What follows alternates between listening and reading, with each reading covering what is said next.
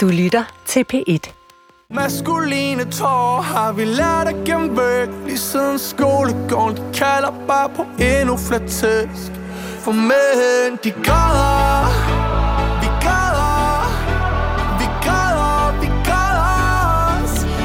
Sangeren Tobias Rahim gik forrest i kampen for at give mænd sproget til også at fortælle om deres egen sårbarhed, da han meldte afbud til P3 Guld med den begrundelse, at han havde fået et angstanfald og ikke magtede at stå i rampelyset den aften. Og mænds sprog om hinanden og sig selv er det, vi bliver kloge på i dag.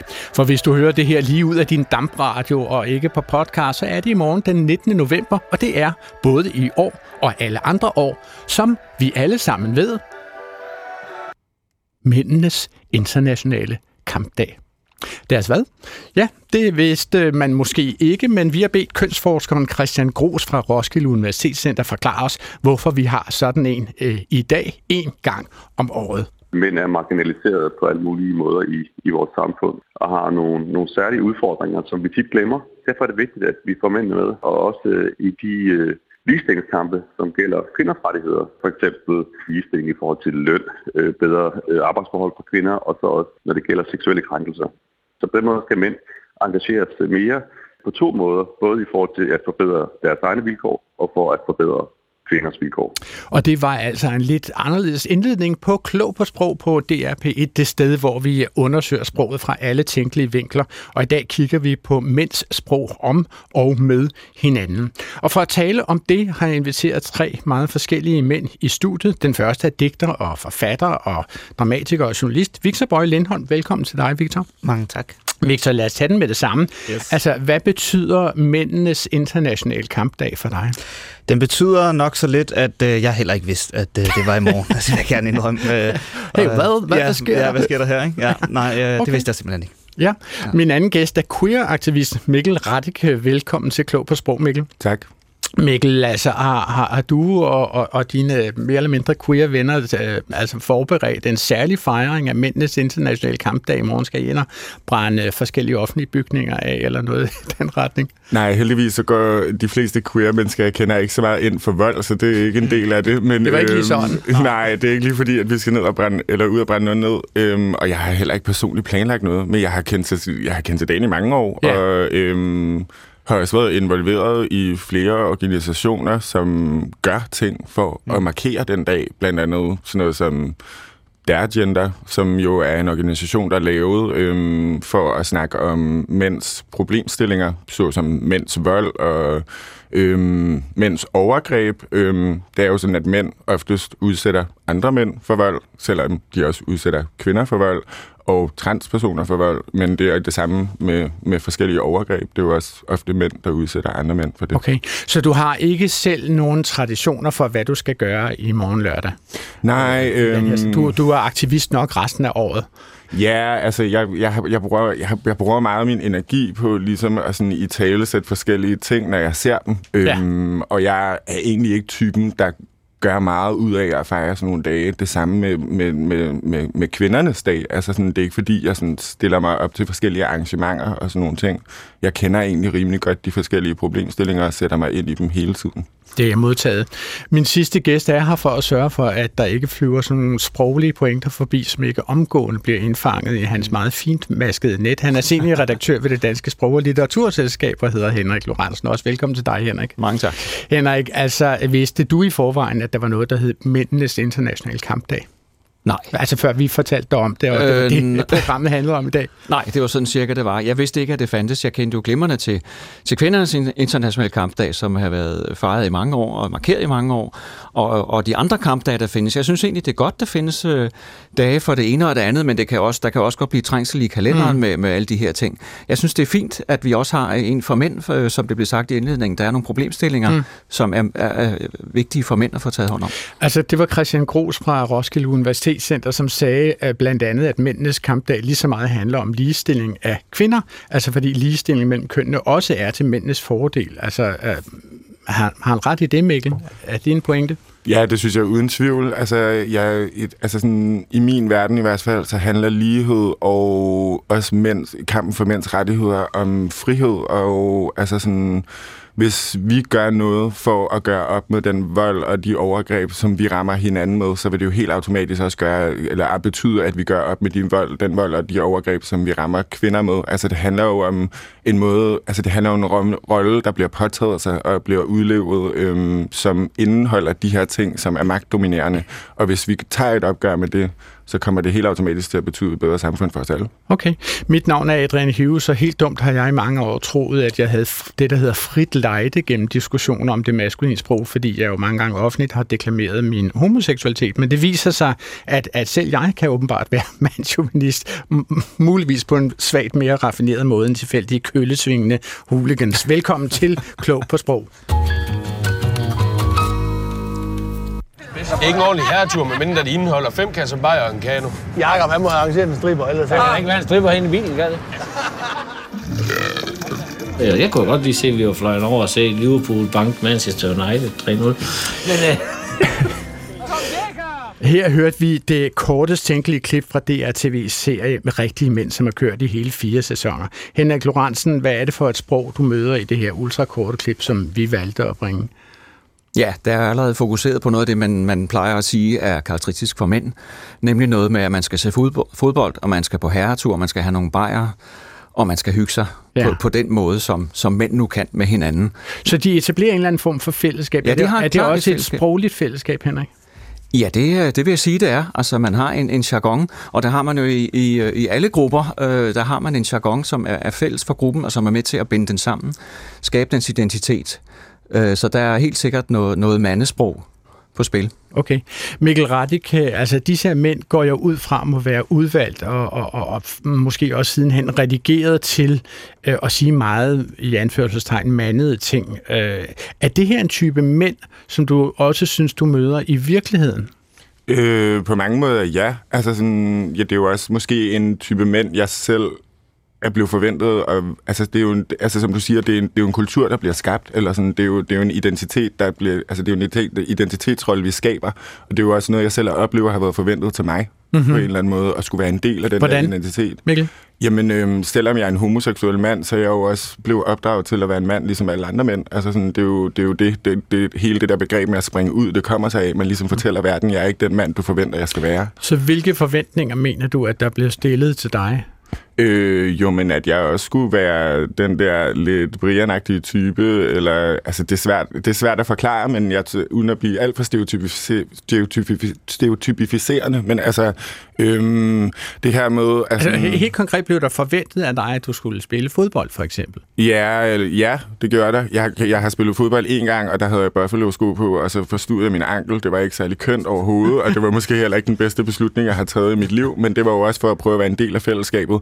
Men det gik jo så fra det til, at jeg faktisk slet ikke havde lyst til at tage bad med de andre drenge, fordi mm. jeg slet ikke følte mig som en del af det fællesskab, okay. og måske endda også følte, at jeg var en trussel over for det. Victor Bøje Lindholm, altså vi har blandt andet inviteret dig, fordi du tidligere her i år i august udgav romanen En del af hjertet går ud fra ud af kroppen, mm. hvor hovedpersonen gør så mange tanker om sin rolle som mand. Ikke? Altså hvad går der igennem hovedet på dig, når du hører det her lille klip, øh, som vi valgte at bringe fra rigtige mænd? Altså, jeg tror, øh, der går de tanker igennem mit hoved, at det er lyden af et ekstremt sådan, heteronormativt øh, maskulint fællesskab, ikke? Altså, hvor vi har øh, en kultur på spil, som vi måske tænker, eller mange taler om, er neutral. Det er ikke noget, vi tænker, der bliver dannet. Det er bare noget, der findes. Det er sådan, mænd er sammen på. Men altså det, som en slags biologisk realitet. Ja, det, det argument kan du godt finde. Du kan godt finde naturlighedsargumentet i det, fordi at mange gør det, så er det dermed også naturligt, og dermed ikke noget, der er bundet til kultur eller sprog eller forskellige former for repræsentation i kunst, for eksempel. Ikke? Ja, altså du skriver jo i din øh, roman øh, øh, om den hårde kontra den blide mand, der skriver du følgende. Tænk på John Steinbecks Adam i Øst for Paradis, mm. Øh, der som det blide barn sendes til hæren af sin far for at blive hærdet. Mænd, der ødelægger drenge, så de kan blive mænd, der ødelægger drenge. Det blik på drengebarnet, det skal hærdes og gøres hårdere for at komme til i verden. Altså, jeg har øh, lyst til at spørge dig, Victor, øh, er, er, du sikker på, at det står så gralt til? Altså, øh, nu skal man jo, øh, nu laver det klassiske forfattersvar her, ikke? Altså, at man skal huske, at det er jo fiktion, ikke? Altså, ja. det er en romankarakters blik ja. på kategorien maskulinitet, ja. som ovenikøbet er et citat fra et andet fiktionsværk, ikke? Nå, okay, det er ikke øh, Nej, det er Østerpartis. okay. øh, nej, øh, Ja, Jamen, det der med, det, at- står at jo mænd så grelt, det står jo så grelt til nogle steder i vores samfund, øh, fordi, og, og det kan vi jo se, at det må være en af årsagerne til, at mænd er overrepræsenteret i nærmest alle negative statistikker, øh, der findes. Ikke? Øh, om det nødvendigvis er så en til en, at mænd opdrager drenge til at blive mænd, der ligesom øh, skal hærde og, Og øh, ødelægge deres drenge. Øh, nej, sådan er det jo ikke en til en mm. i alle sådan fædre sønderoller eller fædre barnroller, men jeg kan da komme på mange eksempler, hvor det er på den måde, både bevidst og ubevidst, og mm. måske så er det ubevidst, der er problemet, ikke? Altså, mm-hmm. hvor folk de ligesom ikke er opmærksomme på, hvad det er for nogle mønstre, de reproducerer. Ikke? Henrik Lorentzen, at måske er det her omkring, vi skal forsøge at, at, at, at pejle os ind på selve ordet maskulin. Mm. Altså, øh, øh, hvad betyder ordet maskulin, og hvor, hvor kommer det ind i sproget fra? Det, vi skal helt tilbage til latin, som jo er øh, et, øh, et modersprog. Et Fadersprog, havde alle sagt, for. dypper Ja, i. Ja, øh, og øh, der betyder det mandlig, som har med mænd at gøre. Og vi kender det også fra øh, nogle grammatiske kategorier, øh, nemlig han- og hunkøn, og intet køn, maskulinum, femininum og, og neutrum. Så det har altså en rolle at spille i, i sprogvidenskaben. Og så har vi så ordet maskulin, som der jo kan knyttes ganske mange medbetydninger til. Og her har vi jo nogle af dem, nemlig mm. det, at der er nogle bestemte træk, der regnes for at være maskuline. Nemlig det med at være modig, være handlekraftig, Okay, og så er der flere kunne, Altså, hvordan, hvis det er de forventninger, vi har til ordet maskulin, altså, hvordan sætter det sig i sproget? Altså, hvordan kan vi i sproget aflæse, at vi har nogle bestemte øh, forventninger til, hvad det vil sige at være mand? Vi har, vi har mange udtryk øh, i sproget, så, som afspejler de ting, vi, vi står og snakker om her. Hvordan? Ja, altså hvis vi siger, at de her traditionelle karaktertræk, der har vi udtryk som at være mand for noget, mm. eller tage noget som en mand, det vil sige, at man skal mande sig op, som man også kan sige, mm. og, og, og kunne klare de problemer, der er, eller være, det kræver sin mand.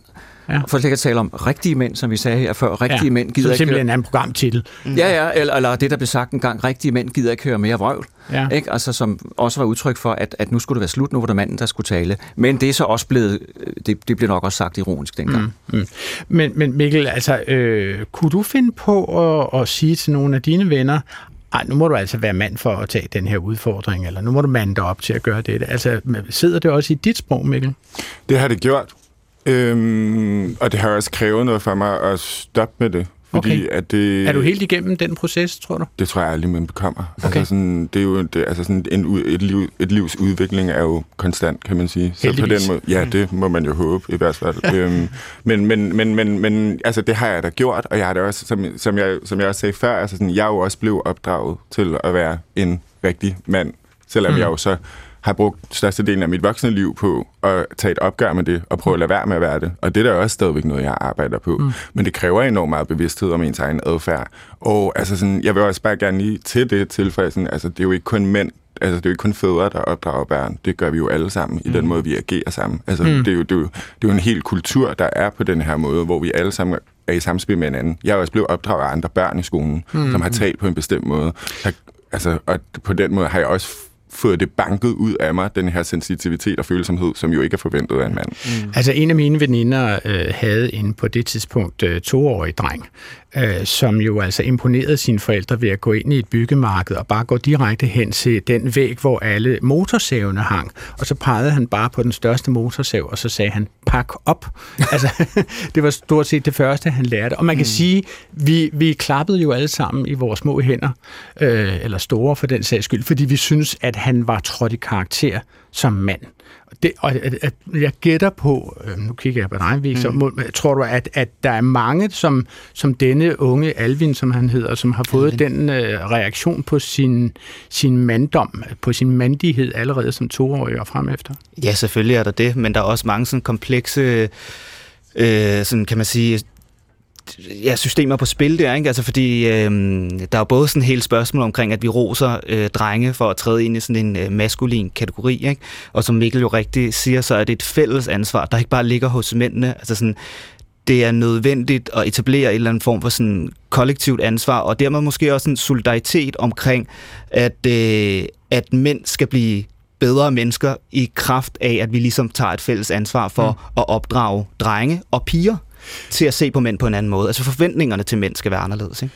Henrik Lorentzen, du er jo med til at redigere den danske ordbog, som bliver udgivet af dit, det danske sprog- og litteraturselskab. Vores. ikke? Ja, ja. Privat personligt, det er jeg godt klar over.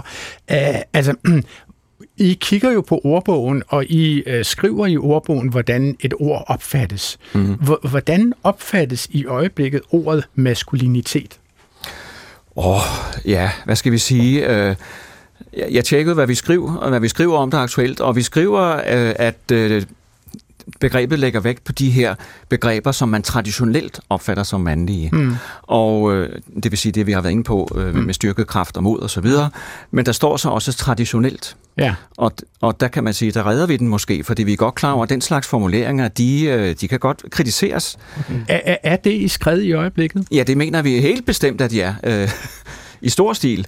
Øh, og, og, og vi bruger meget af vores øh, vågne tid, her, i hvert fald vores arbejdstid, på at finde ud af, hvordan vi skal gøre vores ordbog mere tidsvarende, mere inkluderende, samtidig med, at vi ikke kommer til at tage parti for bestemte retninger. Hmm. Øh, fordi det, det vil vi heller ikke. Vi vil gerne prøve at afspejle, hvordan det er mainstream, for nu at bruge det engelske ord. Mm. Men, men oplever du selv, at, at, at måden, vi opfatter ordet maskulinitet, og måden, vi bruger ordet, det skal du øh, gøre maskulint, altså at det er i skred i øjeblikket? Øh, ja, bestemt. Hvordan? Ja, altså jeg har en, øh, en, en lille anekdote, jeg kan fortælle om, øh, om et, øh, et symfoniorkester, som havde en gæstedirigent, øh, som så skulle instruere, det var en mand, skal jo så siges, øh, som instruerede musikerne i at spille på bestemte måder, og så sagde han så om et bestemt passage, at den skal spilles mere maskulint. Mm-hmm. Så var der Altså to... det, det, var sådan set en, det vil jeg opfatte som en ret klar anvisning Jo, til, til og ordentlig øh, formentlig i, i, i hans mund øh, en neutral anvisning ja. til, hvordan det skulle spilles, altså med, med kraft og styrke, og, og vel sagtens i forhold, modsætning til en, en feminin udgave. Der var så to af musikerne, der øh, tog deres instrumenter og udvandrede. De ville ikke være med til, til resten af prøven på det grundlag. Okay. Så det er faktisk kontroversielt, lyder det for mig, at, at, at, at bruge ordet maskulin så øh, stereotypisk. Altså, det kan det godt være. Det var det i den her sammenhæng. Ja. Altså, jeg, jeg vil gætte på, at måske de fleste af musikerne forstod, hvad dirigenten var ude efter, og reagerede ikke på den måde. Mikkel, du øh, rystede på hovedet. Er, er, er du enig med de musikere, som udvandrede, eller ville du øh, kunne forstå dirigenten, hvis han havde brugt det udtryk til dig? Øh, jeg vil jo antage, at jeg kunne forstå, hvad dirigenten mente, men jeg vil jo heller ikke være sikker på det, fordi at min definition kan være meget anderledes end hans definition. Ja. Øhm, Vil du, vil, du, vil du så spørge til det i situationen? Hvad mener du egentlig med det? Eller? Ja, det vil jeg, og ja. Ja. det er egentlig også en af, det er måske også en af de grunde til, at jeg faktisk synes, at ord som maskulinitet og feminitet er totalt overflødige, fordi mm. at de faktisk er fattiggørende i forhold til det, for eksempel at tale om ens følelser eller ens egen identitet, fordi at det er meget forskelligt fra person til person, og der ligger en masse stereoty- stereotyper indlejret i ordet maskulinitet, for eksempel, som så også er nogle forventninger, og på den måde bliver en magtudøvelse, men på samme måde også gør, at vi bliver fastholdt. Altså sådan, jeg kunne godt tænke mig et opgør med maskulinitet og femininitet som begreber, fordi at vi så kunne faktisk få lov til at sætte ord på, hvad vi egentlig mener, hvad vi forventer af hinanden, og hvad vi gerne vil have. Okay. Det, det er jo mit indtryk, at selve, når vi taler om femininitet eller henfører noget til noget kvindeligt, at det sådan selvstændigt bliver brugt nedværdigende. Altså hvis man siger om en mand, at han har en eller anden form for kvindagtighed, så har man trukket vedkommende ned, ned fra sin maskuline øh, pedestal, eller hvad det er. Og altså for eksempel det store tennishåb Holger Rune. Øh, I kan prøve at høre, hvad banekameraerne har optaget, at han råbte på tennisbanen i Italien sidste år.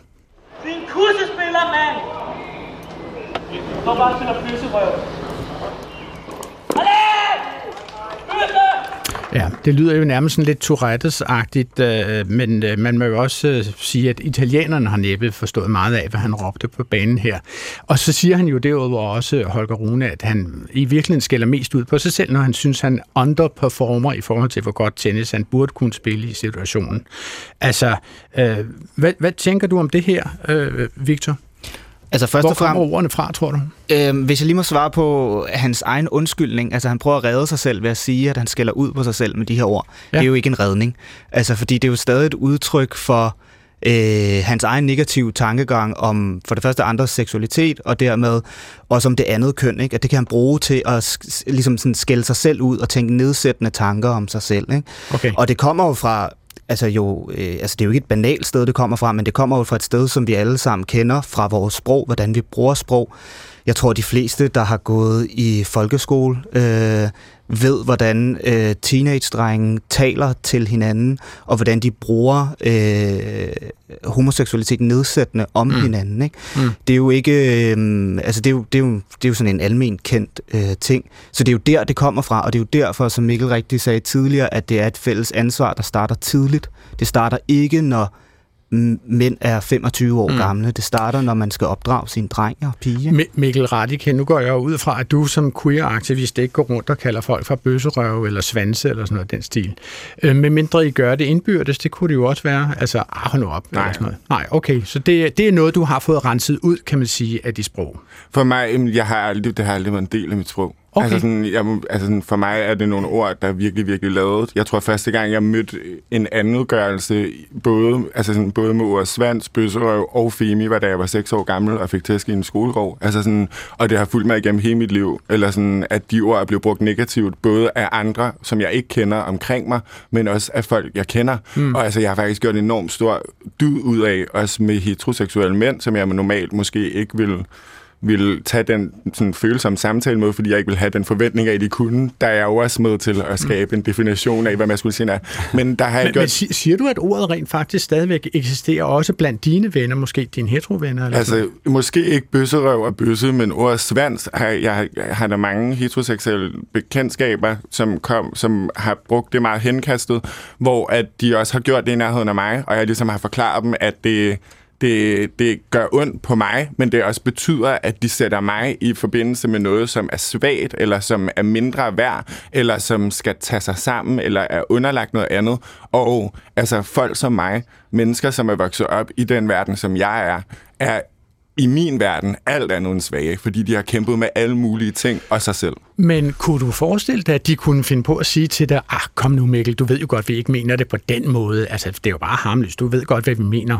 Ja, det behøver jeg ikke at forestille mig, det gør de. Og så må det siger jeg, de til dig, eller hvad? Ja, og der holder jeg jo fast i det. Altså, vi har været derhen, hvor jeg faktisk har været sådan der brudt ned og begyndt at græde. Jeg bliver okay. også enormt ked af at høre sådan en ja. person som Holger Rune sige det. Og jeg synes, at det er synd, at han har brug for at sige sådan nogle ting om sig selv, i stedet for bare at prøve at anerkende, at det faktisk også er okay at fejle nogle gange. Victor, tror du, at man kan bruge ord som bøsserøv eller svans eller sådan noget på en, på en harmløs måde, hvis man altså, sådan, nej. siger det henkastet? Nej, på ingen måde. Altså, det er jo at tro, at sprog er harmløst. Altså, så er der heller ikke nogen grund til at stå her og tale om sproget, vel, hvis vi tænker, at sproget ikke betyder noget.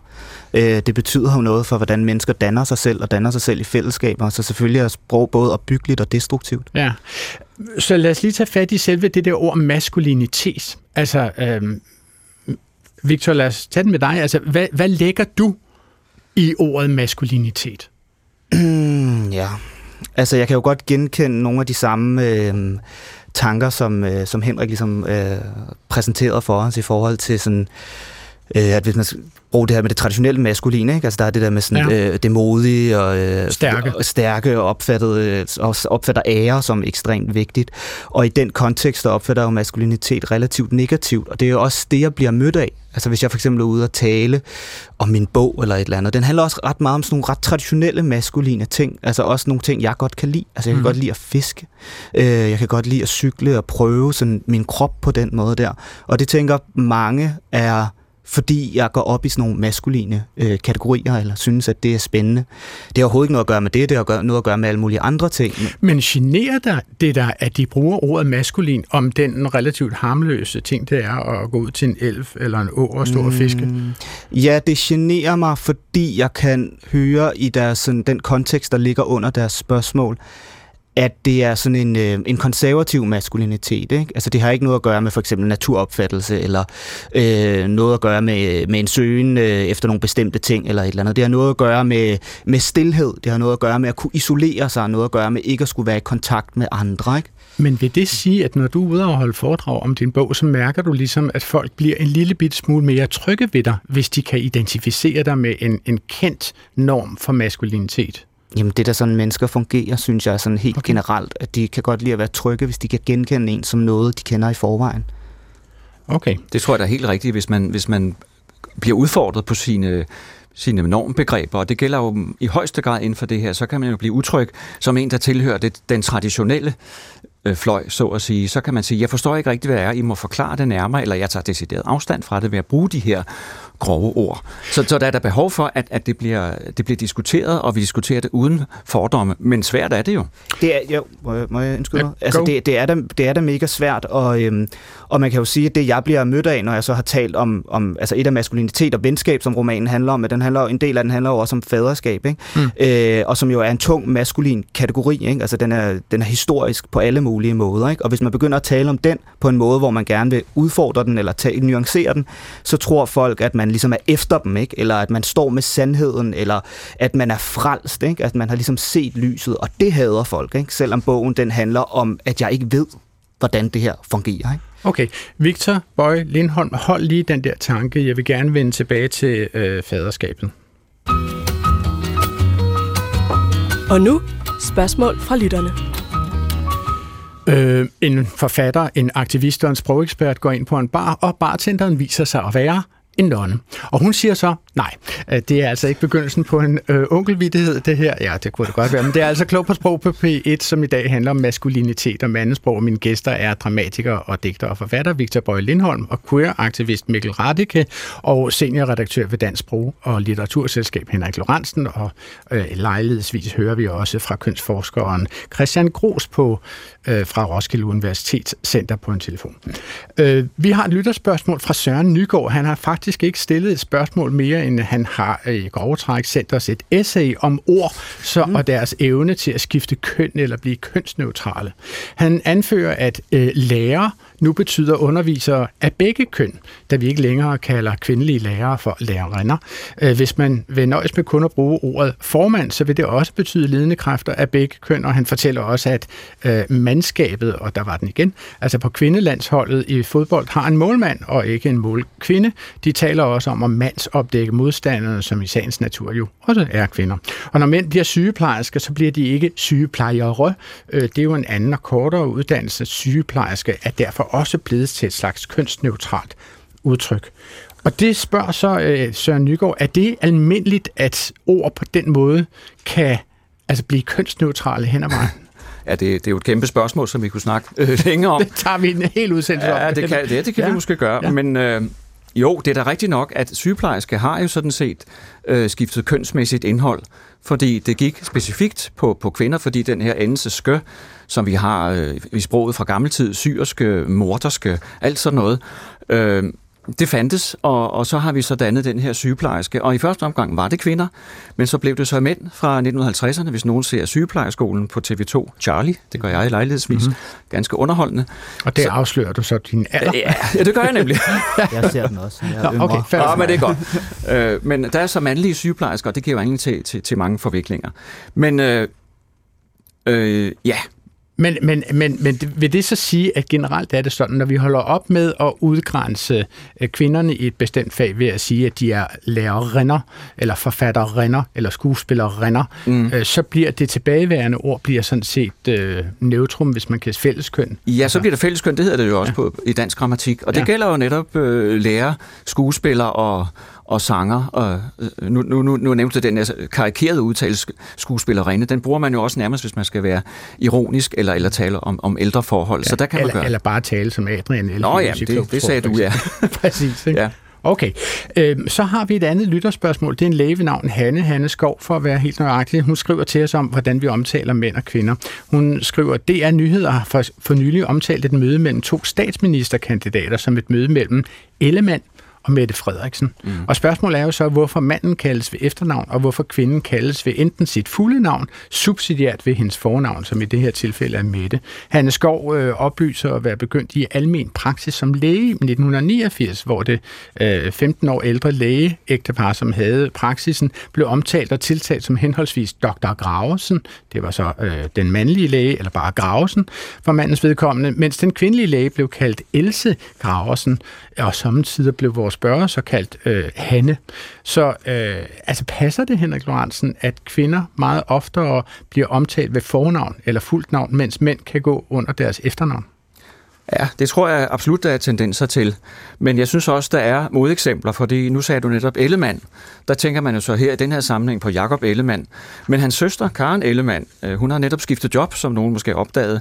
Der har jeg set hende omtalt som Ellemann, Ellemann hele vejen ned igennem en artikel, efter man havde introduceret hende som Karen Ellemann. Det var man nødt til, for ellers var det jo ikke entydigt. Hmm. Og jeg har altså også set Mette Frederiksen omtales som Frederiksen alene. Så, ja. så, så tendensen er altså ikke helt skudsikker. Ofte så kaldes hun jo Mette, Ja. og det har hun sikkert ikke noget imod, fordi det understreger nok hendes ønsker om at være folkelig og ikke fjern og opstyltet. Så meget af det her handler vel øh, om, fordi øh, spørgeren Hanne Skov øh, siger jo også, at vi har haft en serie statsminister, som er blevet kaldt henholdsvis for Nyrup og Få og Lykke med Ø, øh, mm. og Mhm. de er jo ikke blevet kaldt ved deres relativt ordinære fornavn, Paul og Lars og hvad de ellers hedder. Nej, der er jo Anders. lille Lars fra Græsted, som han jo også ønsker at, at kalde sig selv, og hvis vi Ej, går det ved jeg ikke, om han selv ønsker. Han, han bliver samtidig kaldt ah, Lille Lars fra Græsted. og Men har han synes, selv brugt det? Jeg tror, han bruger det sådan lidt okay. øh, spøgende om sig selv. Okay. Men hvis vi går længere tilbage til 70'erne så, og 80'erne, så havde vi jo Anker Jørgensen, Ja. som mig bekendt ofte blev kaldt Anker i almindelig øh, omtale. Men Anker er måske også en lille bit smule mere specifikt end at sige Jørgensen. Altså mange mennesker kan vel hedde Jørgensen. Lidt Okay, færre. masser. Ja, ja. Jo, jo, det er Men klart. Lars, Anders, øh, Ja, det er jo sådan nogle øh, gæng, øh, gængse, Meget gængse gængse mandefornavne fra, Ja. fra den generation. Ikke? Ja. Så, Så så, jeg- det, så det er ikke så udpegende. Mens vi ikke har så vanvittigt mange mennesker i den offentlige diskurs, som hedder få eller lykke med ø, for eksempel. Altså det synes jeg er mere præcist. Ja, men helt sikkert. Og hvis man gik til udlandet, så undrede de sig over, at alle vores statsminister hed Rasmussen, for det er de jo så gang på gang. Okay. Du kan sende dit spørgsmål til klog på sprog For Victor Bøje Lindholm, lad os gå ind i det der med faderrollen. Jeg går ud fra, at du har parkeret tanken, og nu er i stand til at køre den ud af garagen. Ikke? Jeg har parkeret tanken, men Ja. må jeg også godt øh, øh, køre, en, køre et spørgsmål frem ja. fra, til Henrik? Ja. Altså, Go. øh, jeg synes, det er, at det er jo spændende, at det er den neutrale eller den maskuline form, der overlever. Ikke? Altså, i forhold, altså vi, tænk, hvis det var lærerinde, der overlevede i sproget. Altså, Ja. det kan vi ikke forestille os sådan. Nå, det, Eller det, sådan, det, det, det gør vi jo med sygeplejerske, kan man Det gør sige. vi med sygeplejersker, men det er jo ikke tendensen, Nej, tænker nej, det- jeg, Henrik. Nej, nej, det er, du har helt ret. Det, det er et særtilfælde. Ja. Så det er det, som man kunne kalde øh, kønsneutral lærer, men i udgangspunktet er den jo så, øh, hvad skal Maskulin. man sige, maskulin. Mm. Ikke? Og vi har også ordet formand, Ja. ja. som indtil videre har været brugt kønsneutralt, kunne man sige, men det er det jo ikke i realiteten, Nej, nej, fordi det indeholder overdelen mand. Og så er der jo så nye tendenser på vej med forpersonen, mm. som vil der mere og mere frem, og som måske løber af med sejren på et tidspunkt. Men Vi får se. vel ikke lige forløbig. Godt. Nej, det kommer til at tage et stykke tid. Victor, altså din bog handler jo blandt andet om faderrollen, ikke? Mm-hmm. Og, og øh, altså, hvad, hvad har det betydet for virkelighedens Victor Bøje Lindholm, og ikke din romankarakters mm. øh, forhold øh, til at være mand, at øh, du har fået en datter for, jeg tror, det er cirka to år siden, eller noget i den retning? Øh, det har betydet jo et, øh, et hav af forskellige ting. Altså, øh, den er skrevet før vi blev forældre. Ikke? Mhm. Mm-hmm. Øh, så hele bogen er jo i høj grad ikke så meget et spørgsmål om det at være forældre, men det at skulle være forældre. Ikke? Mhm. Og i mit tilfælde, det at skulle være far. Ikke? Øhm, og dermed også måske ikke for første gang, men i hvert føle en pligt til så i virkeligheden at gå grundigt ind i den kategori. Ikke? Altså, hvad er det? Altså, hvad er det, jeg bærer med mig? Eller hvad er det, andres blik på mig betyder, ikke? Mm. Når jeg går, går rundt og er en mand ude i samfundet, eller i hvert fald en biologisk mand ude i samfundet, ikke? Øhm, og, og, Kom og det... du til at føle dig mere som mand, fordi du var på vej til at få et barn? Jamen, jeg tror ikke, jeg, har, jeg er ikke så optaget af at være mere eller mindre mand, øh, men jeg blev optaget af andres blik på det, og andres Okay. sådan, opfattelse af det, og hvad det er, jeg reproducerer. Øh, hvad er det for nogle tanker, jeg kan bringe videre? Hvad er det for nogle mønstre, jeg har pligt til at udfordre? Øh, og det er i høj grad det, som romanen handler om. Øh, så derfor så er der heller ikke rigtig nogen svar i romanen. At den sådan, struktur består af en masse spørgsmål og en masse tvivl, fordi jeg heller ikke rigtig ved noget om de her ting jo på det her tidspunkt, hvor romanen er skrevet. Ikke? Okay. Altså, øh, i filmen Call Me By Your Name fra 2017, der får filmens hovedrolle Knus sit hjerte, øh, fordi han bliver forladt af en øh, lidt ældre mand, ganske svagt ældre mand, øh, som han i grove træk får et forhold til, vil jeg, eller det er måske et forhold. Øh, han mødes efter det af en meget empatisk far. Jeg kan prøve at høre lidt af det her. Look, you had a beautiful friendship. Maybe more than a friendship. And I envy you. My place, most parents would hope the whole thing goes away. Pray their sons land on their feet, but I am not such a parent. We rip out so much of ourselves to be cured of things faster, but to make yourself feel nothing so as not to feel anything. What a waste. Altså, øh, Mikkel, øh, en hel verden så jo Call Me øh, By Your Name, øh, og fik blandt meget andet, den fik jo en Oscar for bedste adapteret manus. Altså, er du en af dem, som tilslutter dig jubelkoret øh, bag den her film? Mm, ja, jeg synes, det er en smuk film. Ja. Øhm, men altså, jeg sidder og klapper i mine hænder hver gang, der er en eller anden form for queer-repræsentation i, i, i, i mainstream-medier på en eller anden måde, fordi jeg synes, de fortællinger er vigtige at blive ja. fortalt. Og, og hvad synes du om faderrollen, som bliver udstillet, eller som bliver fremskrevet i det her manus, eller i den her film? Jeg synes, den er fantastisk. Altså, jeg bliver nærmest helt rørt, når jeg så hører det nu, ikke? Altså, sådan, mm. fordi jeg synes, at den for det første er meget beskrivende for, hvad øhm, jeg også er blevet lært, altså sådan, øh, som, som, som person. Altså for tre år siden døde min lillebror, og jeg har, har da stadigvæk en intern kamp med mig selv om at faktisk give udtryk for de følelser, det har skabt i mig. Mm. At det er sket, selvom det er noget, der gør mig vildt ked af det, for at være mm. helt ærlig. Ikke? Altså, mm. Men jeg kan ikke rigtig finde ud af at snakke om det med nogen. Og det er det der måde, som han også siger, vi lærer, altså vi prøver at pakke det væk i os selv, i stedet mm. for at give udtryk for det. Og det er jo egentlig det, vi skal modtages med, når det er, vi så endelig gør det. Ikke? Ja, og Mikkel, så er vi jo der, at, at øh, som jeg også lige antydede i begyndelsen af udsendelsen, at jeg ligesom altid har forestillet mig, at homoseksuelle mænd, som jeg er og som du er, at vi har nemmere ved at tale om vores følelser end heteroseksuelle mænd. Det har ligesom altid taget for givet, fordi jeg var den der øh, forvandling igennem som 16 til 21 år, eller hvad det var. Ikke? Øh, nu fortæller du mig så her i radioen, at du synes faktisk, at det er svært at tale om øh, tabet af din lillebror. Ja, altså det synes jeg. Øhm, jeg tror også måske, at mange homoseksuelle mænd har nemmere ved det, men det er jo også et, en konsekvens, som du også selv siger, af en beslutning, vi har taget, og en, en proces, vi går igennem. Det er jo lige præcis fordi, at vi på et tidspunkt laver det her opgør med den forventning af os som den mand, vi blev opdraget til. Eller sådan, med, at vi laver et opgør med den mand, vi forventede at være fag vores opdragelse, eller den, den verden, vi voksede op i. Mm-hmm.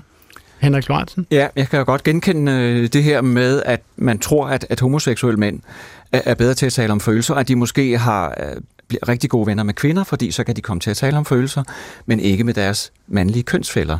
Men jeg vil sige, der, der må være noget opbrud i det her i disse år, fordi jeg kan da selv med mit eget eksempel se, at, at det er blevet lettere at udtrykke sine følelser ved at græde, ved at tale om, om alvorlige ting i ens liv med andre mænd og i fuld offentlighed. Vi har set eksempler på mænd, der græder i offentlighed. Vi har set fodboldspillere, som vi var inde på, som er sådan indbegrebet maskulinitet måske, som græder, når der sker noget alvorligt på banen, for eksempel at deres øh, holdkammerat falder om i hjertestop. Ja. Eller en, en kronprins, der bliver gift og, og tuder for åben skærm, en tudeprins. Ja. Altså, i den anledning, så nævnte jeg jo i programmets indledning her, at sangeren Tobias Rahim meget uventet meldte afbud til P3-guld selvom han var helt sikker på at modtage aftens hovedpris. Han var nemlig den eneste, der var nomineret til den pris, så han skulle nok have fået den, og det fik han selvfølgelig også. Men han bad sin producer Arthur Eriksen læse et brev op på scenen, hvor der øh, blandt andet stod lidt af følgende. Jeg har kæmpet med verden, og nok mest af alt mig selv. Der har været meget storm i det emotionelle hav på det sidste. Jeg har været søsyg og kastet sjæl op. Opkast, der også er blevet til musik. Jeg har glædet mig meget til at spille nogle i aften. Jeg har også haft lidt angst i kroppen. Netop den sang kommer fra et sted, der gør ondt. Nok mere end de fleste forstår. Jeg fik desværre et angsttilfælde på vej hjem fra prøverne til B3 Guld, og kan ikke deltage i showet i aften. Tak for anerkendelsen, og tak for at I ser mig. Victor, hvad var din reaktion, da du hørte om Tobias Rahims afbud til den her prisfest? Øh, jeg tænkte, at det var godt, at han øh, synes, at, øh, at, at det var muligt at melde afbud. Øh, også uden, at det skal handle om maskulinitet eller at være mand, men at det har jeg angst. Hmm. At han synes, der var plads til det. Men der er ikke nogen tvivl om, at den øh, samtale, som vi har og har haft, og den samtale, han jo i høj grad også er med til at drive, øh, har gjort, at det er muligt at kunne sige det, uden at blive sygeliggjort i en eller anden ekstrem grad. Ikke? Altså, at man faktisk kan tiljubles for det. Ikke? Altså, mm. det vi hører der, der, der, der klippet ligesom slutter. Ikke? Mm. Øhm, så på den måde, så betyder det jo noget. Ikke? Altså, det er der ikke nogen tvivl om. Hvad tror du, det betyder, Mikkel, at, at, man, at en, en øh, formentlig den mest populære danske popsanger, eller sanger i det hele taget, øh, lægger sådan en, øh, en kuvert på øh, vinderpodiet? Øh, jamen, jeg tror, det er, en, det er et udtryk for, for, for en for, forandring, som du rigtig nok siger, som der sker rigtig meget i, i den her tid. Øhm, og den forandring er jo i virkeligheden et udtryk for, øhm, at vi er nu siger jeg vi, fordi at jeg ved, der er mange derude, også sikkert Tobias og him, men altså sådan, at vi, vi, vi, vi, vi har faktisk en vilje til at anerkende, at vi også er følsomme mennesker, og det er en del, ikke kun af det at være kvinde, men også det at være mand, og i virkeligheden en del af alle køn, kan man sige, ikke? fordi at det, det er en del af vores menneskelighed. Vi er sansende mennesker. Vi er føle, følende mennesker. Vi opfanger hinanden på alle mulige forskellige måder. Ikke kun igennem det sprog, men også igennem, hinandens nærvær. Og altså, altså det, det er okay at være. Mænd må gerne være mennesker. Vi behøver ikke at være overmennesker, eller i nogle tilfælde undermennesker. Vi kan også godt bare være mennesker. Mm. Fordi at det er okay og værdigt nok at være menneske på lige fod med alle andre. Det er jo ikke, sådan, det er jo ikke alt sammen altså følelser og meninger, det her. Der bliver jo heldigvis også øh, forsket i det, og en af dem, som gør det, det er jo altså ham, øh, som hedder Christian Gros fra Roskilde Universitetscenter. Min kollega Hector Brunhøj Husum øh, talte med ham i går om, hvorvidt øh, forskningen også viser, at mænd er dårlige til at sætte ord på deres følelser. Så mænd har svært ved at tale om de udfordringer, de har, fordi de ikke vil fremstå som svage. Øh, fordi altså, så kan man fremstå, som om man ikke har styr på sit liv, øh, eller som om man ikke er en rigtig mand. Det er ideen om den rigtige mand, som en, der egentlig ikke behøver andres hjælp og kan det hele selv. Så det er derfor, at måske at mænd har lidt svært ved at tale om de behov og problemer og følelser, de har. Og hvorfor tror du, det er sådan? Jeg tror, det ligger meget i, i, i opdragelsen og, øh, og de forventninger, der er til mænd. Altså forventninger både fra andre mænd og fra øh, kvinder. Altså på den ene side andre mænd, hvor vi kigger rundt på de forbilleder, vi har, og, og de mænd, som har succes i vores samfund, det er ofte mænd, der er stærke og kan tage sig af sig selv. Det er sjældent mænd, der græder. Der er sådan nogle gamle, mm, altså, ja, kan man sige, mandeidealer, maskulinitetsnormer, som er svære at bryde med, fordi det kræver en, en fælles indsats øh, fra alle. Der skal være plads til i vores samfundskultur, øh, til at mænd kan udtrykke følelser og skrøbelighed og svaghed. Victor Bøj Lindholm, hvad vil du sige, altså hvad, hvad er råderummet her, som de ofte taler om, når de taler om økonomi? Altså, øh, hvordan kan det her udvikle sig, hvis du skal give dit bud? Altså, du tænker, hvordan kan maskulinitet udvikle sig i fremtiden? Ja, altså til at også omfatte sårbarhed og øh, sensitivitet. Oh, jeg tror, det kan gå i en milliard retninger, ikke? fordi okay. vi kan jo godt sidde og sige, at, øh, at det er muligt for os at have den her samtale, og det er jo positivt, at det overhovedet er muligt at have den her samtale, fordi det var det nok ikke for en generation siden, så har man nok ikke lavet et program på P1 på samme måde om mm. maskulinitet og sårbarhed. Men vi skal jo heller ikke bare sidde sådan og ignorere, hvad der rent faktisk også foregår. Ikke? Altså, at der er en kæmpestor sådan, modreaktion mod det, ind i sådan en nostalgisk maskulinitet, både på internettet og ude i virkeligheden, som jo gentager og hylder sådan konservativ maskulinitet, og som har store sådan følgerskare, ikke? Altså mm. sådan helt øh, øh, oplagt kunne man øh, nævne sådan som Andrew Tate, som øh, er jo så nu udelukket fra Instagram og TikTok og Facebook og så videre, men som kører og, videre. Og han er stort set den, den øh, toksiske maskulinitet. Ja, han er det, det levende eksempel på det, ikke? Og så øh, kan man jo mindre, øh, eller lige så kontroversielt, men måske mindre larmende nævne sådan som Jordan Peterson. Vi kender godt navnene og så videre, men de er jo også lukket ind i vores og, univers. Og det, altså bare lige så alle lytterne er med. Det er grove træk mænd, som taler om, at kvinder skal gå tilbage til kødgryderne, og det klæder dem, og der bør de... Um, ja, kvinder blive... skal gå tilbage til kødgryderne, og mænd skal mande sig op ikke? Og, ja. Øh, ja. og gå ud i samfundet. Men du nævner jo selv generationer, Victor, og, og i din bog, en del af hjertet går ud øh, af kroppen, så fylder sproget jo ret meget mm. øh, mellem mænd og også mellem forskellige generationer. Altså, øh, din jeg-fortællers morfar fortæller ikke rigtig noget mm. om sin sorg i forbindelse med tabet mange år tilbage af en ven, som var sømand. Morfaren havde ikke evnerne til at bearbejde tabet, fremgår det af din bog. Mm. Og du skriver, eller din jeg-fortæller siger, er det synd for min, at, undskyld, er det synd for min morfar? Er det synd, at nogle mænd ikke har vil give sprog til den del af livet?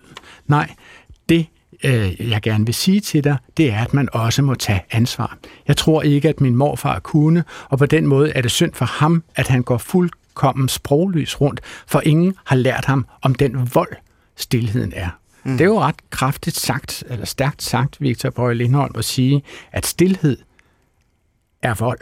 Mm. Altså, mener du virkelig det, han har sagt? Øh, ja, det gør ja. jeg. Hvordan? Uden det skal lyde alt for arrogant. Så, øh, så mener jeg absolut, at der ligger en voldshandling i stillhed. Altså i hvad er man stille omkring, hvad er ikke muligt at sige. Både over for en selv, men også over for andre. Ikke? Altså sådan, der er, øhm, altså der er sådan et citat, som også fylder i bogen af en forfatter, der hedder Rebecca Solnit, som, og det kan man så diskutere om er rigtigt eller ej, ikke? men ligesom patriarkatets største, eller første voldshandling er ligesom den vold, mænd yder mod hinanden i forskellige fællesskaber, hvor det ikke er muligt at få adgang til sine følelser. Og man kan så sige, at den vold, som det medfører, er fysisk vold mod andre mænd eller kvinder. Mm. Og dermed bliver stillhed både selvskade, men det bliver også skade mod andre mennesker, og det er derfor, vi skal tage det alvorligt, når vi sidder og griner af stille mænd, eller sådan den kulturelle trope om træmanden. Ikke? Altså, mm. Vi kunne nævne rigtige mænd, som der er blevet spillet et klip fra, ikke? men vi kunne også nævne hele det datingprogram, der hedder Landmand søger kærlighed, som jeg har set meget, men som jo grundlæggende handler om mænd, der ikke kan finde ud af at tale om, hvordan de har det, og som bliver klippet på en ironisk måde, så vi kan sidde og grine af det. Du siger, at vi skal, vi skal tage det alvorligt og ikke grine af det. Altså, mm. hvordan gør vi det? Det gør vi ved at gøre sådan noget her, for eksempel, ikke? men det gør vi jo også ved at tage ud på skoler og tale med både drenge og piger øh, om, hvordan man ligesom sætter sprog på, eller giver sprog til de mm. her ting, at vi starter et sted. Ikke? Mikkel, altså, øh, du siger jo selv, at du synes, du har svært ved at tale, for eksempel om tabet af din, din bror. Øh, så kan man jo sige, altså hvis man skal følge øh, Victors øh, logik her, så begår du i virkeligheden vold på dig selv. Jamen, det gør jeg, det er der ikke nogen tvivl om. Altså, okay. sådan, og det kan jeg da også mærke inde i mit eget væsen. Altså, sådan der, det, er, det, er, det er noget af det, jeg har allersværest ved, men det er også noget af det, jeg har allermest brug for. Altså, fordi det, det, altså, det, det gør ondt på mig hver dag, og hvis jeg taler om det, så er det en lettelse. Altså bare det at få lov til at i tale til den smerte kan være lindrende. Jeg læser til sygeplejersker også, og det er faktisk også noget af det, jeg lærer, sådan, altså sådan rent pleje, sygeplejerskemæssigt, at bare det, at folk får lov til at tale om både en fysisk, men også en psykisk smerte, smerte mm. kan være lindrende for deres væsen. Og det er jo faktisk egentlig også det, det handler om, at hvis du bliver ved med at gå med den her øh, smag, den, alle de her ting inde i dig selv, så går du egentlig bare og slår på dig selv indvendigt, og på et eller andet tidspunkt, når du bliver slået nok gange, så kan du ikke holde det ud længere, og så sker der et eller andet, hvor du eksploderer. Men, men Mikkel, du har jo øh, blandt andet på en tv-serie på DRTV og i forskellige andre sammenhæng været meget åben om, at du selv er blevet udsat for et seksuelt overgreb, en voldtægt faktisk. Ja. Øh, hvorfor var det vigtigt for dig at fortælle omverdenen om det? Øhm, fordi at det var noget af det allermest frarøvende, som jeg har oplevet i mit liv, og det ikke at kunne få lov til at tale om det, har været øhm, så ekskluderende fra alt. Altså, jeg havde lyst, det var så jeg nåede til et punkt, hvor jeg ikke havde lyst til at leve mere i princippet. Ikke? Okay. Øhm, og det var også hårdt at tale om det, fordi jeg blev latterliggjort på alle mulige måder. Øhm, både fordi jeg er homoseksuel, men også fordi, at jeg var en mand, der var blevet voldtaget. Altså, sådan, og... altså det er ligesom en, en, en, en modsætning i selve termerne, at man kan ikke være mand og blive mod, øh, voldtaget. Er, er der folk, der har mødt dig med den antagelse? Ja, altså, det, vi, blandt nogle af mine venner har vi nogle gange sådan lidt måske også kynisk joket med, at jeg i lang tid var den eneste mand i Danmark, der var blevet voldtaget. Mm. Øhm, men, det er i hvert fald offentligt erkendt. Ja, altså, det tror jeg ikke engang er rigtigt, men altså, jeg har i hvert fald gjort enormt meget for at skabe en diskurs omkring det her, fordi mm. det er også noget, der sker. Øhm, men det er igen også det her med, at jeg har, har været sårbar, og jeg er blevet, altså sådan, at blive, blive udsat for et seksuelt overgreb, er jo lige præcis at blive udsat for den en af de største magtudøvelser, der eksisterer, og blive frataget alt muligt, mm. både din egen selvbestemmelsesret, men også din egen identitet. Men Mikkel, var det også selvterapeutisk så at øh, gå ud og fortælle denne historie offentligt? Mm, 100 procent, og jeg tror egentlig også, det, det, der, det, det, altså det er noget af det, der er det vigtigste, også i forhold til det her med at tale om, om min bror, altså sådan, og generelt også bare, hvorfor jeg egentlig synes, det er enormt vigtigt, at mænd lærer at tale om de følelser, og de, de følelser, de har, og de hårde ting, de går igennem, og de kampe, de kæmper, fordi at det er en hel verden, som vi aldrig nogensinde har tilladt os selv, og det er faktisk en af de smukkeste verdener, der eksisterer. Mm. Men nu er sprog, selvom jeg øh, deltager her som vært i et øh, sprogprogram, så vil jeg sige, at sproget er jo ikke nødvendigvis hele virkeligheden. Det påpeger kønsforskeren Farouk Christian Gros, og min kollega Hector Brunhøj Husum talte med ham om forskellen mellem, hvad mænd siger og hvad mænd gør. Jeg har, jeg har oplevet det det ændrer sig særligt blandt de yngre generationer, som sagt, men øh, jeg tror også eksempelvis efter MeToo, der kan godt være nogle lommer af sådan subkultur, hvor, hvor mænd de stadigvæk er brugtende på den ene eller på den anden øh, måde. Og der kan man så diskutere, om det er problematisk øh, i sig selv, så længe det ikke øh, i nævneværdig omfang også øh, smitter ind på deres adfærd over for kvinder eksempelvis. Men det er jo en lang diskussion om, hvordan sprog og adfærd hænger sammen. Jeg plejer at komme med det her eksempel på en altså fyr, øh, jeg kender, der godt kan være ret broden i sproget, som lige umiddelbart og meget jokende. Men hans generelle adfærd over for, for mænd og kvinder, altså de kvinder, er meget, meget respektfuld. Og så, øh, så omvendt så oplever jeg, så, så kan man også støde på en mand, der er feministisk, eller mener, at han er selv er feminist, og taler et meget fint og ordentligt sprog øh, over for alle, men i virkeligheden så øh, øh har han gentagende gange krænket kvinder i privaten. Så man skal heller ikke tage helt fejl. Man skal ikke forestille sig, at sproget er der sådan en til en mellem det, det sprog, man bruger, og så den adfærd, man har over for kvinder. Det behøver ikke nødvendigvis at hænge sammen. Øh, giver du ham ret i det, Victor Bøje Lindholm? Altså, kan man adskille sprog og handling? Altså, Altså, der er, jo mange, der er jo virkelig mange ting på spil her, ikke? Fordi jeg, har, giver dig, jeg giver ham da ret i, at det er da godt, at den her mand, der øh, har et øh, grænseoverskridende sprog øh, over for kvinder, og sikkert også over for alle mulige andre, så ikke gør noget ud af det, ligesom i en aktiv handling. Mm. Men det er, jo, det er jo ikke... Øh, det redder ham jo ligesom ikke, synes jeg. Altså, det er jo stadig negativt og en måde at skjule sig, hvis du ikke kan finde ud af ligesom at sætte sammenhæng mellem sprog og handling. Ikke? Mm. Hvad siger du til det, Henrik Lorentzen? Det er jeg sådan set enig med dig i, men jeg vil sige, at den, der findes de her lommer, som han kalder det, og hvad skal vi sige, de her frirum, hvor, hvor noget kan eksistere fortsat mm. af det, som man havde lov til før i tiden. Og jeg tror, det betyder noget for, for mænd eller andre grupper, at de har dem stadigvæk, mm. så længe de er adskilt fra deres adfærd. Victor? Men der er vel også forskel på, hvad for nogle lommer, eller hvad for nogle subkulturer man har eller dyrker. Øh, jeg vil ikke sige, at det er særlig positivt, hvis mænd finder sammen i såkaldte subkulturer, hvor de dyrker et øh, hadsk sprog mod... Øh, det siger jeg heller ikke, de gør. Jeg... Nej, jeg, jeg mener bare i forhold til det, Christian at, siger at, her. At det, at det kan slippe lidt ud en gang imellem, og så siger man, åh ja, okay. Du, du tænker, yeah. Henrik, at det faktisk er meget godt, at der er en ventil på trykkogeren? Det tror jeg faktisk. Nu kommer jeg til at afbryde dig, det må du undskylde. Nej, det gør men men øh, hvis det så bliver der, og ikke udarter sig ja. til, til, til overgreb og så videre. Hvad siger du til det, Mikkel? Øhm, jeg tror, øhm, jeg tror, vi alle sammen har brug for ventiler, helt sikkert. Der er ikke noget der. Men jeg tror også bare, at det er vigtigt at sige i forhold til det her, at det er jo ikke kun et sprog, det er jo kun, hvordan vi taler. Det er også, hvordan vi ser og behandler hinanden. Ser hinanden som mennesker og behandler hinanden som mennesker. Jo, så helt grundlæggende, bliver, vi bliver jo, jo, men vi bliver jo nødt til og sådan have, altså det er jo alle aspekter, vi bliver nødt til at gå ind og pille ved. Vi kan ikke bare være sådan, nu går jeg ud i virkeligheden, og derfor må jeg ikke sige de her ting. Mm. Altså sådan, man bliver nødt til at ville være det menneske, som der ikke kunne finde på at sige de ting, fordi det er værdifuldt for en at lade være. Så helt kort her til sidst, som studieværter, som jeg siger, Mikkel, altså, at, kan, kan du sondre mellem en, en sproglig handling og hvad der sker i virkeligheden? Altså med, med dine bekendte og dine venner, som kan finde på en bisætning og sige homo eller svans eller gay eller sådan noget. Altså kan du øh, stadigvæk være venner med dem, havde jeg sagt? Jeg kan sagtens stadigvæk være venner med dem, men det kræver præcis det af dem. Altså at de, altså sådan, at de faktisk intern, eller internaliserer i sig selv, at det ikke er okay at sige, på grund af, at det har andre konsekvenser, end bare det, der bliver sagt. Ja, de, altså de, hvis det sker med mine bekendtskaber, og jeg så har forklaret dem, hvad det betyder for mig, så er det vigtigt for mig, at de også gør en indsats for ikke at sige det i andre miljøer, og faktisk også tage et opgør med det i andre miljøer. Okay.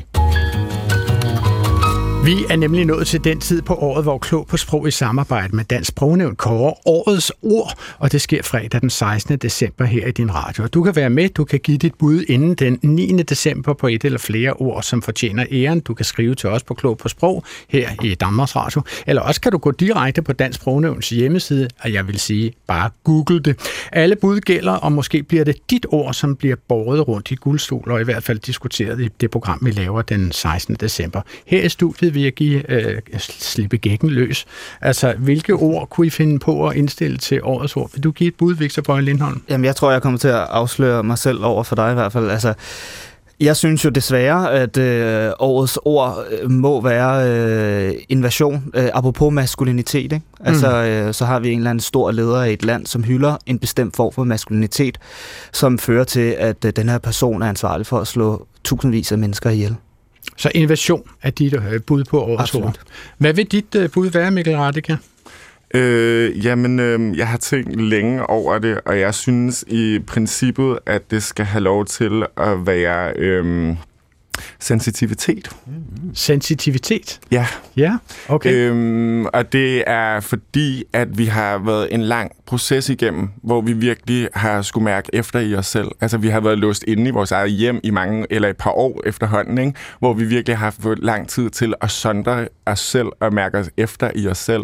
Og jeg synes virkelig, at man har kunne se det komme til udtryk i år. Altså sådan, der er vi, altså sådan, det har været først sådan en helt glædesrus, at jeg får lov til at komme ud i verden igen. Og så det Mærke sådan, andre mennesker. Ja, mærke andre mennesker, luft. præcis. Altså sådan at være i nærheden af hinanden, og hvor meget vi egentlig har brug for hinanden. Øhm, altså, vi lever i den her, det her konkurrencesamfund, hvor vi placerer os på alle mulige øde øer og skal være individualister, men i virkeligheden så har vi alle sammen savnet at være hinandens nærvær. Må jeg få dit bud, Henrik Lorentzen? Det kan jo være, at du kommer tilbage i programmet og kommer med flere, men lad os høre, Hvem ved, hvad du får ved jeg. Men uh, det ligger nok i forlængelse af det, I begge to siger, det er ordet afmægtig. Afmægtig? Afmægtig, fordi det synes jeg nok, man har kunnet føle sig i år på både et uh, personligt plan for mig og for hele verden som sådan. På tusind fronter, kan man på, sige. Ja, men uh, det er for negativt, så jeg tænkte også på løvfaldssommer.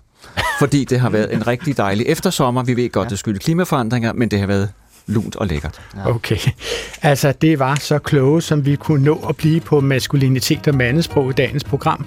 Uh, tusind tak til alle mine gæster, som er Victor Bøje Lindholm, digter, journalist og forfatter, og Mikkel Radeke, queer-aktivist, og Henrik Lorentzen, seniorforsker ved det Danske Sprog- og Litteraturselskab. Og på en telefon havde vi Christian Gro, som er lektor og kønsforsker på RUK. Programmet her er nærmest egenrådigt tilrettelagt som svendestykke af Hector Brunhøj Husum med forsigtig supervision af Clara Witt og undertegnet Adrian Hughes. Teknikken styret Henning Solon Mortensen, og jeg indkalder med styrke til forslag til årets ord og kommentarer. Det kan både sendes til os på klog på sprogsnabelag, DR.dk, det mest kommentarer til os, og årets ord anbefaler jeg mig. Anbefaler jeg, at man går ind på Dansk Sprognævns hjemmeside og afleverer. Øh, på genhør næste fredag op til middagsradioavisen hvis det ikke lige var for fordi, at det efterhånden burde fremgå, at Klog på Sprog er i intens dialog med vores lyttere. Også de uforskammede af slagsen. En såkaldt Peter har dristet sig til at skrive til mig. Jeg vil gerne vide, om det er bevidst, at Adrian Hughes bruger ordet okay i nærmest alle svar til sine gæster. Ingen andre værter bruger okay til nærmelsesvis samme omfang. Jeg var af ovenstående grund nødt til at skifte program. Jeg svarede Peter lidt køligt, at problemet næppe var så stort, og så satte jeg praktikanten til at øve sin klippefærdigheder for at finde, hvor mange gange jeg i sidste uge brugte denne anglificerede øh, bekræftelse. Okay, okay, okay, okay, okay, okay, okay. Mm-hmm. Okay, okay, okay, det okay, okay, okay, ja, okay, Altså, okay, okay, over. okay, okay, ja, Ja. okay, okay, okay, okay. Ja, godt så. Altså, praktikanten fandt i alt 24 udgaver på genhør næste fredag. Gå på opdagelse i alle DR's podcast og radioprogrammer. I appen DR Lyd.